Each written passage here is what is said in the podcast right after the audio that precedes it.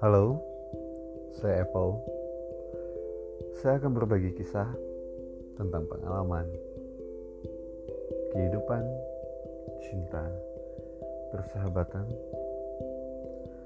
Ya, jika kita punya kesamaan tentang cerita, mari berbagi dan mari bercerita. Setidaknya sedikit melegakan rasa kecemasan itu. Selamat menikmati.